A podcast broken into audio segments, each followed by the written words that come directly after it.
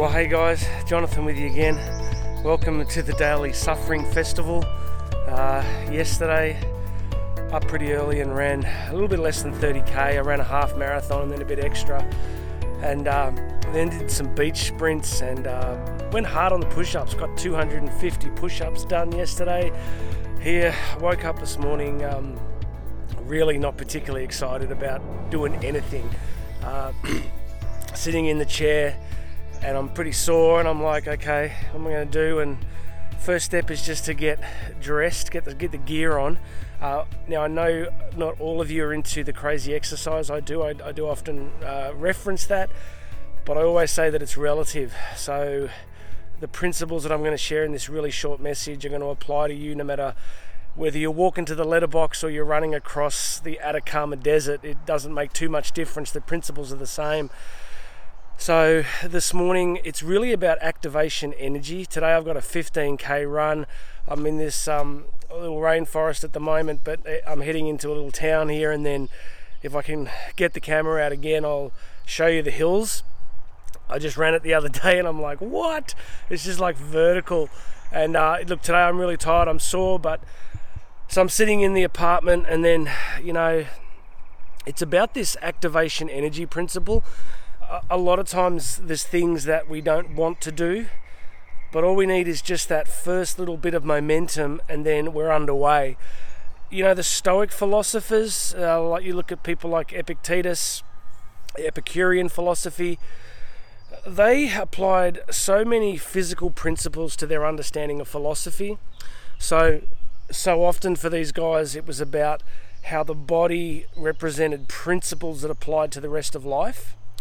So the ability to push the body, to strengthen and to tame the body was a big part of how they saw the world and other aspects of life. So one of the reasons I'm often talking about physical processes, physical training is because the metaphors inside it really do apply to so much of life. I'm just looking down this logging track, hoping I'm not going to get run over by anything. So, activation energy is the first thing just to get yourself moving. So sometimes we get daunted by the challenges we face whether it's kind of work related relationship related but so often all we need to do is just start. So for me today yeah really tired but once i get that first 500 meters under my belt you kind of you, your foot's on the path and you're starting. And once you're started it's just too much hassle to turn around and go backwards. So I want to say to you that in your life at the moment, sometimes all you need to do is just begin. You just need to get started. Whether it's fixing a relationship in a marriage, whether it's fixing a relationship with one of your kids, whether it's changing your career, whether it's changing your health. So much of the time, we just sit on the metaphorical couch of life and we don't actually begin the processes that are going to help us move forward. And once we get going, for me, like I am no athlete, right? I'm 48. Yeah, I do all this crazy stuff, but I'm not a pure athlete. Like I'm definitely not a runner by by genetics or by ability. But I have this principle of, you know, RFM, relentless forward movement or relentless forward momentum. I just keep putting one foot in front of the other, one foot in front of the other. Just keep showing up day after day. Do the work, put in the work, do what you need to do, and you just keep that momentum going and uh, there's going to be difficulties on that journey, like these hills I'm about to go and do. But um, look, today's message is pretty simple. I just want to encourage everybody, wherever you're hearing this. I know the podcast version is big for many of you. I don't have any amazing quote for you today. I don't have any great cosmic insight, other than if you're hearing or seeing this, you're listening to somebody who is just like you, who is just trying to improve a little bit every single day, who's trying to get a little bit stronger, I think I mentioned a few days ago, you know, this is not sustainable forever, ever, right? Like I can't run half marathons every day.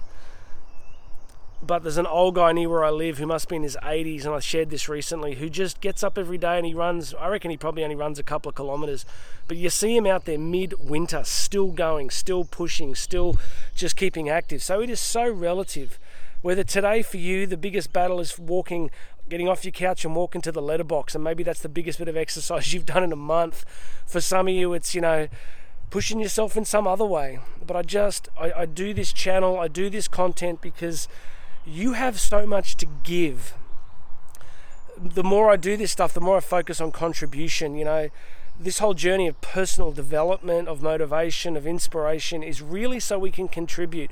If we're healthy, if we're strong, if we're clear in our heads about what matters, we tend to enjoy life more and we can serve people more and we can be more of a blessing to people. So that's the purpose behind it all. Why am I running today?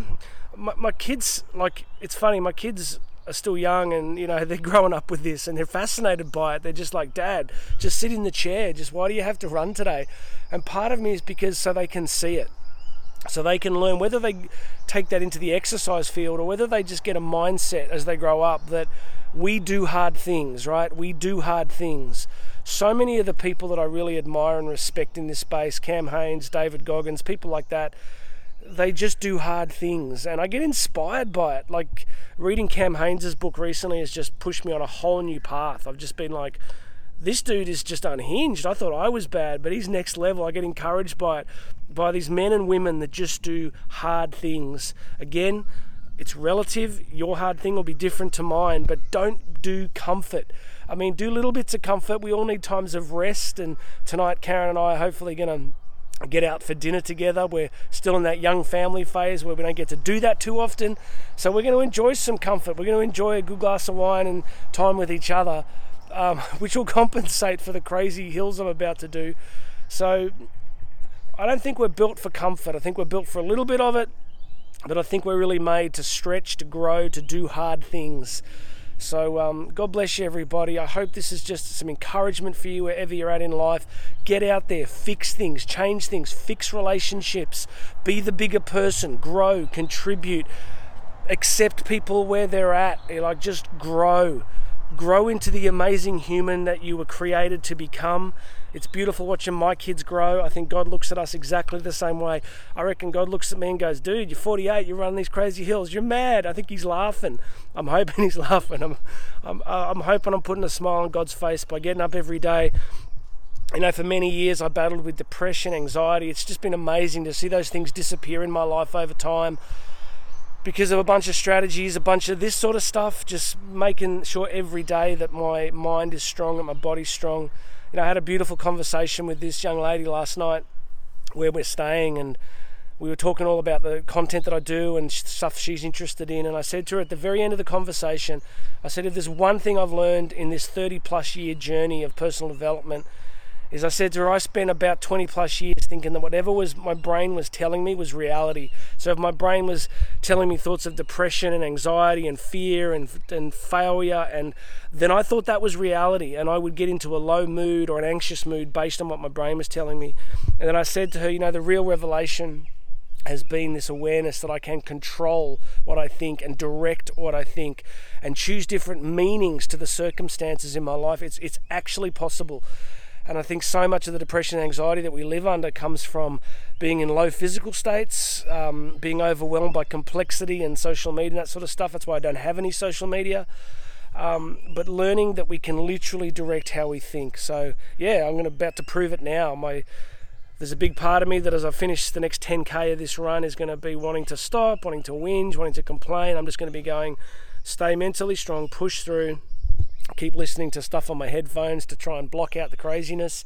So be encouraged, right? If, if you're doing it hard at the moment, if life seems so difficult, Pay attention to your internal dialogue. Pay attention to the internal conversation. Listen to it. You will hear it saying things to you about like darkness and failure and loss. And you want to move out of that, you've got to start to focus on very different things. I was teaching one of my kids this yesterday. I was teaching them saying, look, we are not victims of external circumstances. If reality is not the way we want it, then we need to begin a process of creating a reality of building a life that we actually want. It's challenging work, it's difficult work work. Most people don't do it. Most people blame, they become victims. But if you're watching this and you're on this kind of journey with me, we're doing it a bit differently. You know, we're, we're taking some responsibility for the outcomes in our life. All right, I'm going to stop there. Give you one last look at this beautiful little forest here, which um, unfortunately this part of the run is is very brief, and we go back on the hills very soon. But um, I'll try and post a bit of footage from one of their hills. I'll try and splice it in towards the end here if I can do it. Okay guys, this is where it starts. Just come out the railway bridge and now the hills start here. Gonna be brutal.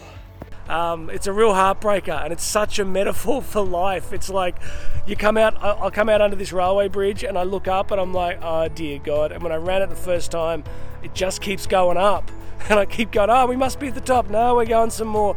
It's like life. That's why exercise is a metaphor because these hills are like life. It's just hill after hill. We get some downhills and we go again and we grow in the process. So God bless you. Be encouraged. And uh, please make sure you subscribe to the channel if you're hearing the podcast version here. I'd love you to subscribe, but subscribe here on YouTube. Um, check out all the show notes here because there's links to all my other stuff. You can get free access to my book, Bridging the Gap. You can find out uh, how to book me to speak. And uh, God bless you. My name's Jonathan Doyle. This has been the daily podcast video message inspirational thing, and I'm going to have another one for you tomorrow.